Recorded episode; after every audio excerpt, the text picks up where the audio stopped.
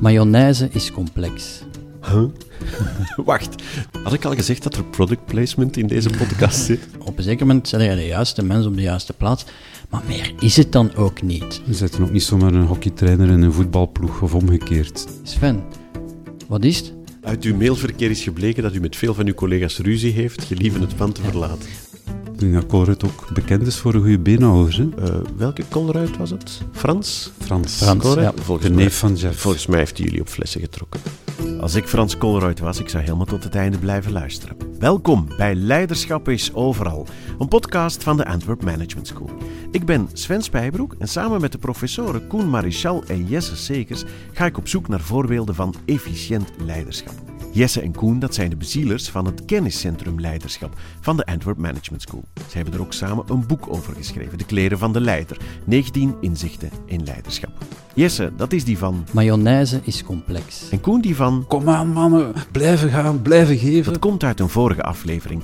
Toen stonden we op het voetbalveld, want dat is wat we in deze podcast doen. We gaan op zoek naar leiderschap op plaatsen waar je het niet meteen verwacht. Het bejaardentehuis, de dierentuin, noem maar op. Als je goed kijkt, zie je het overal. En als je slim bent, kan je er veel van leren. Wat doen we deze keer? We staan vandaag bij de beenhouwer en we kijken eigenlijk met een stuk bewondering naar hoe dat hij... Enfin, Koen kan dat zelf veel beter We staan eh, vandaag bij de beenhouwer en we kijken eigenlijk met eh, een stuk bewondering naar hoe dat hij het vlees eh, uitbeent, hoe het vlees versnijdt. En eigenlijk is dat ook een, een vorm van leiderschap. Huh? Wacht, dus we staan aan de toog, hè, klaar om 100 gram een pertje te bestellen. Ja. En, en de beenhouwer staat aan de overkant helemaal alleen, met Ja. zijn koteletten, Ja. die uit Ja. de benen. En jij zegt... Puur leiderschap. Oké. Ja, we zien het dan ook overal. Hè? Ja, ja, blijkbaar. Ja, het wordt pathologisch eigenlijk. zeg eens, wat, wat, wat, wat moet ik zien? Of... Ja, omdat daar heel het idee van eh, een stuk vakman, vakmanschap in zit. Ambacht. De, De beenhouwer kan iets. de beenhouwer kan niet. Is het, is het niet zo met managers dat er van gezegd wordt, die, die kan je overal zetten? Het maakt niet uit of het een tv-bedrijf of een koekjesfabriek is. Hm. Het zijn dezelfde trucken. Ja, we hebben la- lang dat beeld gehad. Ja, ik denk dat we daar ook... ehm, ja, dat, dat dat ook lang oké geweest is in organisaties, managers. Maar dat we vandaag wel zien dat eh, leiderschap ook terug ja, een stukje een ambacht wordt of een kunst of met vakmanschap Je moet te maken heeft. Ik denk dat dat een stuk, dat is een stuk trendy geweest van ja, je, bent de leider, dan kan je overal leider zijn. We zien toch meer en meer dat steelkennis, métierkennis, sectorkennis, businesskennis relevant is. We zetten ook We niet zien dat zomaar... ook in studies, hè, trouwens. We zetten ook niet zomaar een hockeytrainer in een voetbalploeg of omgekeerd. Dus dan kom je eigenlijk terug op, op die natuurlijke know-how die je hebt Ja. over het werk dat moet gebeuren. Ja. En dat is dan eigenlijk het vertrekpunt om ja, leiderschap te gaan tonen en op te nemen. Ja. Zeggen jullie nu, de goede leider begint onderaan de ladder en leert de stiel en kan dan leider worden? Een stuk wel, maar de vraag is wel de snelheid waarop. Hè. Het, is, het is geen eh, noodzakelijke voorwaarde, want dat is dan ook zo grappig, om elke mogelijke functie die er dan is, gedaan te hebben voordat je daar van boven staat. Ja. Dan kan je nooit CIO worden, want dan moet je ik veel, netwerkarchitect geweest zijn, en developer, en tester, en weet ik veel. Dat is, dat is een onmogelijkheid. Maar hij, hij of zij heeft wel veel affiniteit Ja. met het, eh, hij zal ooit iets met IT gedaan hebben, anders zal hij niet prototypisch zijn en aanvaard worden. Hij kan dan leidinggevende zijn, maar zeker niet de leider van die groep. Oh, wacht, dat is een subtiel verschil, hè? Hij is dan wel de baas, maar hij wordt niet ervaren als de baas? Of Klopt. dwingt geen respect af? Ja. Heeft geen moreel gezag? Is, het is niet omdat ze jou daar zetten en jou een functietitel geven van manager, director, weet ik veel, Nee. dat je de leider bent. Nee, dan ben je de leidinggevende, dat is duidelijk, daar, daar gaan we niet over discussiëren. Maar de leider zit misschien helemaal ergens anders, in die Ja. ploeg. Dus, eh, En het is dus niet zo dat je de hele loopbaan moet doorlopen, want anders is het gewoon anciëniteit, hè? Degene die het langste is, die mag de ploegbaas zijn, maar ja. Dat is niet noodzakelijk het beste idee. Het heeft te maken met een soort eh, ideaal groepslid. Hè. We zien dat uit studies dat ehm, ziekenhuizen beter geleid worden door eh, voormalige chirurgen of zo. Ehm, we zien dat Formule 1-teams het beter doen als die geleid worden door voormalige Formule 1-piloten. Dus dat geeft altijd weer aan van je moet ergens prototypisch zijn voor de groep die je wilt gaan aansturen. Je moet daar affiniteit mee hebben. Ja. Een cer- soort waarden en normen gemeenschappelijk hebben met die, met die, met die groep. Ja. En dus ook dat technisch vakmanschap op een zeker moment beheerd hebben. Zoals die beenhouwer. ja, die beenhouwer. Maar die beenhouwer doet nog iets anders, hè, wat ook heel boeiend is qua leiderschap. Ah. Als je goed kijkt, en, die, daar zit een efficiëntie in. Als ik dan nu zou aan beginnen, ik zou mijn Dat messen, denk ik... af. Ja, dan loopt het fout af natuurlijk. Toon eens al je vingers. nu heb je ze Nu nog. heb ik ze nog. Ik zou eh, waarschijnlijk heel veel eh, doorbeenderen moeten, omdat ik niet weet welke pezen en drukpunten ik nu net moet doorsnijden. Terwijl, naarmate dat je meer metier hebt, weet je veel beter waar dat je juist moet snijden om dingen eh, los te krijgen of terug bij elkaar te brengen. En dat is wat leiders ook moeten kunnen doen in organisaties. En naarmate je beter wordt, krijg je beter resultaat met minder inspanning. Is dat wat je nu zegt? Of, Ja. of gaat het sneller? Of... Dat is trouwens een, eh, een parabel hè, van, van die beenhouwer die, eh, die Frans Koolruid ons ooit verteld heeft. En dat Koolruid ook bekend is voor een goede beenhouwer. Hè. Eh, ja, dus misschien, misschien is het geen toeval. Had ik al gezegd dat er product placement in deze podcast zit? Hoe garandeert Colruyt u elke dag opnieuw lekker vlees voor de barbecue? Wel, onze beenhouwers in de. Ja, sorry. Ehm, we hadden het over de parabel van de beenhouwer. Het is, een, het is een boeddhistische parabel, denk ik. Ehm, en het, het is de beenhouwer die het, eh, het karkas uitbeent, dus die het vlees van het karkas snijdt. Ja. Ehm, en als je dat eh, onoordeelkundig doet, dan eh, moet je iedere dag je, je mes gaan wetten. Je mes wordt zo bot, omdat je eigenlijk in het vlees hakt en snijdt en kerft. En, waardoor dat er snel sleet op het mes komt. Terwijl de goede beenhouwer, die werkt met het puntje van zijn mes op de precieze punten waar het vlees vasthangt, aan de pezen, maakt die los en het vlees valt vanzelf van het karkas. Dus de kunst is om te leren werken met het puntje van het mes en je moet maar één keer per jaar zijn mes gaan wetten. Ja. Dus het komt erop aan om, om hele kleine, maar efficiënte ingrepen Om te precies doen. te zijn. Ja. Alleen dat te doen wat Ja, je moet doen. Ja. En we Om kennen dat gevoel wel. Je hebt leidinggevenden die heel, eh, heel veel uitputting uitstralen. Hè. Het harde werk, het is labeur, het is dag en nacht bezig zijn, eh, van alles doen en, en eh, met dat gevoel. En, en dan zou je kunnen zeggen, ja, zijn, hun mes wordt heel snel bot of is bot. En, dus de kunst om, om bij te tanken, reserves aan te vullen enzovoort. En andere leidinggevenden hebben een zekere naturel en stralen zelfs een stuk rust uit in... in wat Lijken ze het doen. spelenderwijs te doen. Lijken, eh, ik denk, het is nog een vraag of het ook echt zo is, want het vraagt dan wel meesterschap natuurlijk om op dat punt te geraken. Ja. Die, die beenhouwer heeft het uiteraard niet ook eh, vanaf het eerste moment eh, de, de briljante genialiteit om op de juiste punten te gaan snijden. Hè? Nee, die moet veel oefenen. Hè? Maar het is wel een krachtig beeld van ehm, hoe ga ik om met, met sociale dynamieken in mijn organisatie, hoeveel energie en, en hoe krampachtig ben ik daarmee bezig tegenover ja, de juiste dingen leren doen en ingrijpen op de juiste momenten, op de juiste manieren. Ja. Waardoor dingen meer, ja, minder, eh, minder energie nodig hebben. Misschien wat ik daaraan aan wil toevoegen is dat, dat heel vaak een misvatting is dat veel managers naar bedrijven kijken alsof het iets ingewikkeld is, terwijl het eigenlijk iets complex is. En, en dat, is een, dat is een belangrijk onderscheid. Ja. Iets dat ingewikkeld is. Een vliegtuig is ingewikkeld. Je haalt dat uit elkaar en je hebt misschien honderdduizend stukjes. En je zet dat terug in elkaar en je hebt een vliegtuig. Dat is ingewikkeld. Mhm. Mayonaise is complex.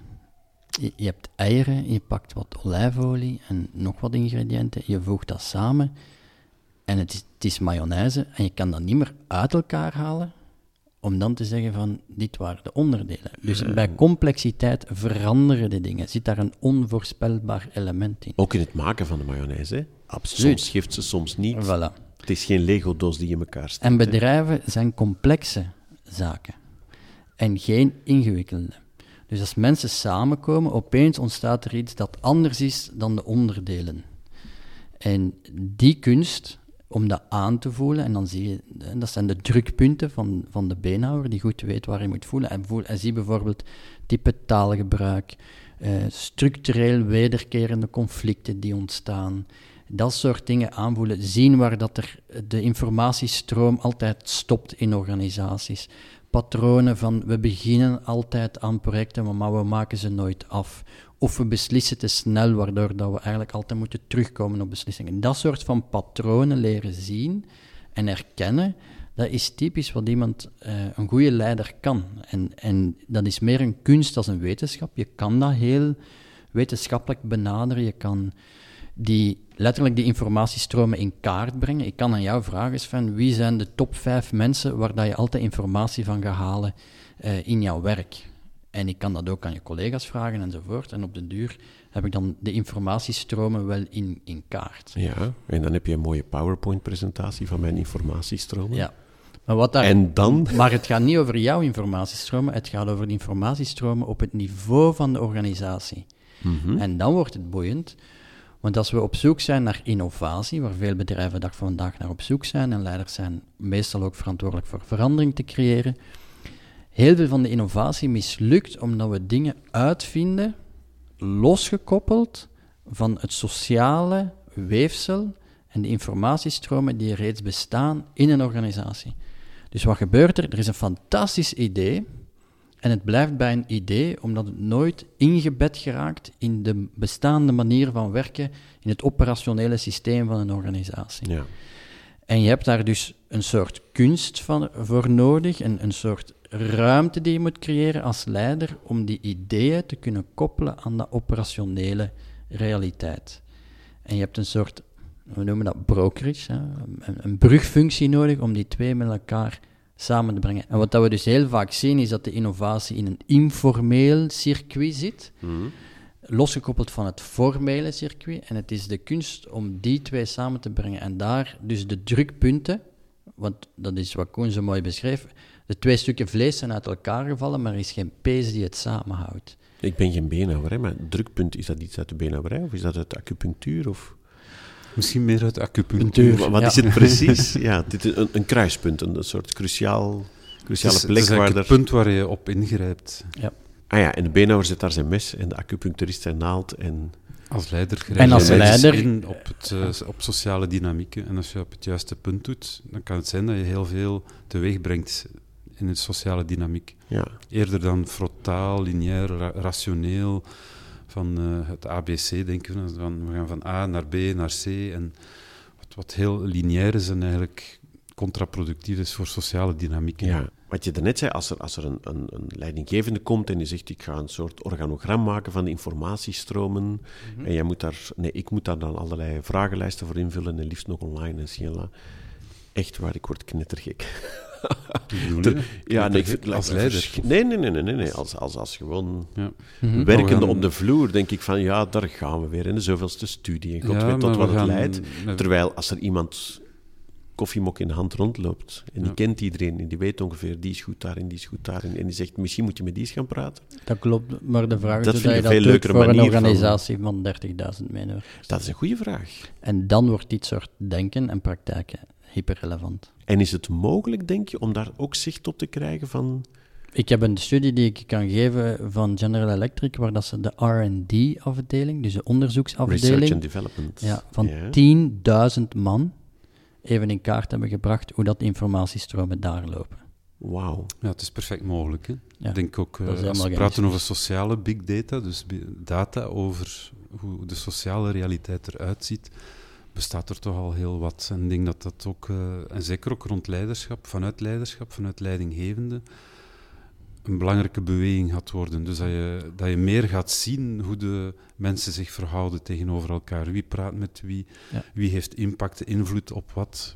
En, en dat je dan ook, eh, eh, dat het ook duidelijker gaat worden waar, waar er iets moet gebeuren Ja. of nodig is. En dat En is op basis van, van naar- vragenlijsten bijvoorbeeld. Ik Nee. kan dat op basis van vragenlijsten, maar er zijn ook andere methodes. E-mailverkeer, Ja. van, van wie eh, communiceert er wat naar wie. Ah, dat is trouwens te coderen, hè? dus je kan perfect op basis van eh, alle data, e-mailverkeer, telefoons, die dan de transcripts van die telefoons worden dan ook uitgeschreven, en daar kun je emoties aan koppelen. Ja. Dus je kan perfect... Nu, nu- ik vond het al griezelig, hè? Maar nu wordt het ja. echt... Ja, maar er, er zit soms een, eh, een, een, eh, juridisch stuk van hoe ver mag je daarin gaan. Maar Privacygewijs. Privacygewijs, maar in Amerika is er dan altijd wat meer ruimte dan, dan in Europa. En je kan dus perfect zien of dat de incoming calls, hè, dus telefoons die binnenkomen of e-mails die binnenkomen, of dat die negatieve emoties zijn of meer positieve emoties, of tussen twee departementen. Dus je kan eigenlijk de emotiestromen, als je wilt, perfect in kaart brengen. Ja. Wat je normaal, als je als baas op de werkvloer rondloopt, ook ziet. Ja. Wie heeft ruzie met wie, wie komt met veel ideeën, wie werkt graag apart. Maar ja, hoofdmarketing zegt natuurlijk dat alles vloeiend verloopt met de samenwerking met finance.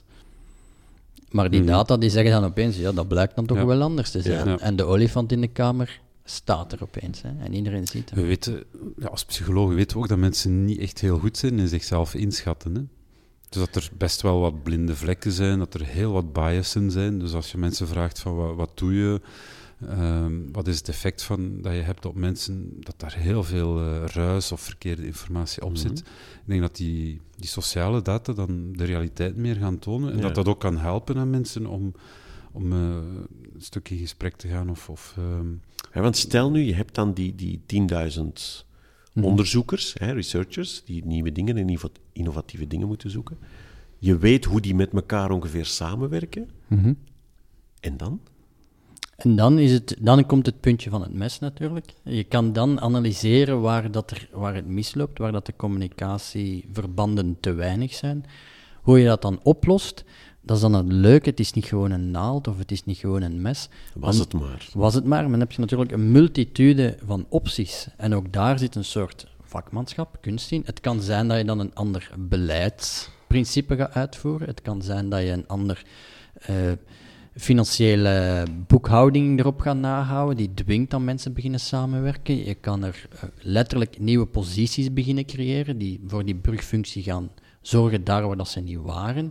Dus dan ga- het kan zijn dat je nu net mensen gaat weghalen, gaat ontslaan uit het systeem, omdat je zegt van ja, die zijn eigenlijk blokkerende factoren daarin.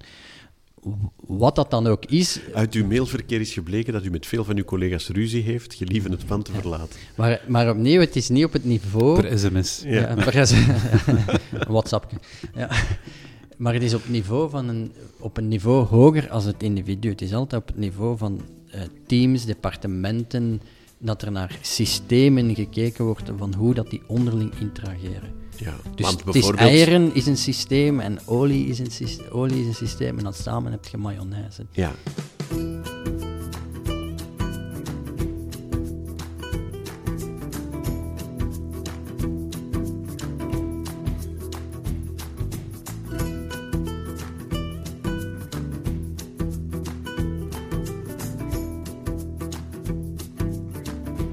Oké, waar waren we gebleven? Wel, onze beenhouwers in de winkel verwerken het vlees zelf. Ze weten perfect welk deel geschikt is voor brochetten, biefstuk of hamburgers. Nee, wacht, wacht. Met het nodige vakmanschap snijden, kruiden en marineren. Ja, nee, wacht, wacht, wacht. Eh, iets anders. Er is iets waar ik nog aan dacht. Zeg maar, hier zitten nu individuele mensen te luisteren naar deze podcast. Wat jullie beschrijven als je het in kaart brengen van grote organisaties, dat, is, dat kan je niet echt doen hè, als individu. Dan moet je gewoon naar een firma bellen die daar ervaring mee heeft en die stuurt dan zoveel mensen met zoveel tools. Ze mogen ons bellen, ja. Do- Doen jullie dat? Be- bedrijven, organisaties doorlichten bijvoorbeeld? Om... Het bijzondere is dat het in, in België heel weinig eh, gebeurt, of er vaak nog angst is, Ja. die ik net gehoord heb, van Mhm. op individueel niveau en, enzovoort. Want een van de leuke dingen, we hebben al een paar keer voorgesteld, maar ze, ze vinden dat een schitterend idee, totdat het dan eh, de dag is dat we het moeten doen, dan mag het opeens niet, dat ze energiestromen in kaart brengen. Dus ik kan perfect vragen, Sven, geef mij eens, ik geef een hoop eh, namen en dan zeg je van, oké, van deze persoon krijg ik wel energie en van deze persoon krijg ik geen energie. Hè? Dus een energizer en een de-energizer. En het bijzondere is dat als die analyses gebeuren, dat topmanagement, 40% van de mensen die energizers zijn in de organisatie, zijn niet gekend door de top. En dan gaan we even lekker snoeien, en dan halen ze daar zo'n energizer uit. Ik, ik En dan valt het systeem in elkaar en niemand snapt waarom. Ah ja, maar ik dacht tegelijk, als je zo'n ana- analyse maakt, dan is je conclusie toch, die, die onderste 10%, die energizers, die smijten we er gewoon uit. Als Dan gaan als we veel leukere Als club je kijkt worden. naar het systeem vanuit, vanuit dat oogpunt, hè, Ja. dat is vaak wat er niet gebeurt. Nee. Dus dat men niet vanuit die lens gaat kijken naar sociale dynamiek van wie, wie, wie voegt er hier energie toe, waar zit de warmte in het systeem. Het probleem is natuurlijk dat het de baas zelf zou kunnen zijn, die energie opslorpt. Onder andere. Ja. Maar dat is dan tenminste een duidelijke boodschap. Want dat is dan de kunst natuurlijk. En alles hangt dan van de waarden en de cultuur van die organisatie af. Als je dan een de-energizer bent, hoe komt dat? Want er is heel leuke studies daarover. In het begin ben je een energizer. Meestal als je in het begin komt werken, heb je veel energie, veel goesting. We zijn ook zes kenmerken eh, van energizers, maar dat zal ons nu te verleiden. Maar je kan je inbeelden, je komt binnen, je bent optimistisch, je zorgt voor oplossingen of alternatieven, nieuwe kijk. Wat gebeurt er? Mensen komen naar jou. Dat zien we. Tof om mee samen te werken. Ik heb een nieuw idee, ik ga dat beginnen pitchen. En op de duur ben je een attractor van nieuwe ideeën. Dus een energizer zijn is heel leuk in het begin.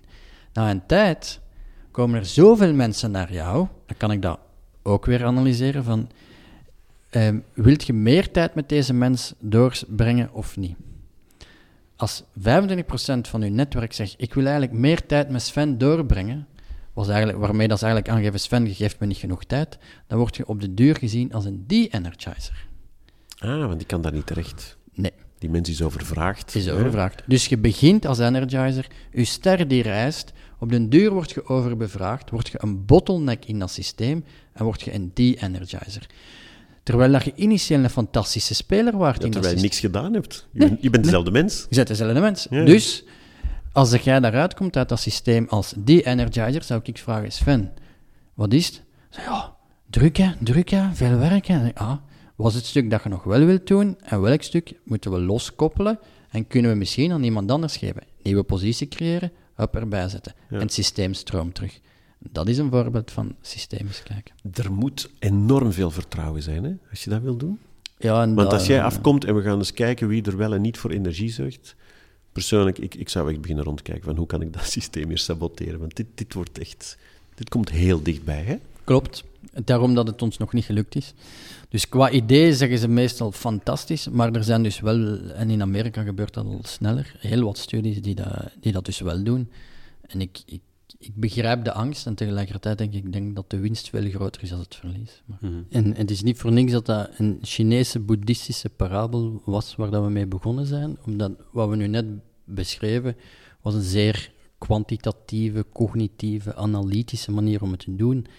Maar er zijn ook voorbeelden, en dat is dan zo de, eh, zoals de Benauer, het pure meesterschap, die dat uit een soort sensing doen, een soort geaardheid, mindfulness. Steve, Jobs was daar een, eh, Steve Jobs was daar een klassevoorbeeld van, hè, die uren ging wandelen in die bossen rond Silicon Valley, om daar eh, te gaan voelen, wat heeft die markt nodig. En, en een markt is opnieuw, mayonaise is complex. En dat zijn allemaal dynamieken die iets anders creëren dan de onderdelen. Dat is niet ingewikkeld, want ingewikkeld zou ik het puur cognitief, analytisch kunnen. Dat is technisch. Dat is heel technisch, dan kun je daar we hebben heel veel klanten op heel veel adressen. Hoe kunnen we daar geraken? Voilà. Ja. Maar op een zeker moment is er dat iets, iets hè, de, de, Wat wil de klant? wat wil de Wie klant? Hè? En Ford heeft daar die fameuze uitspraak, als je het zou gevraagd hebben, dan was het een sterker paard, nooit een auto.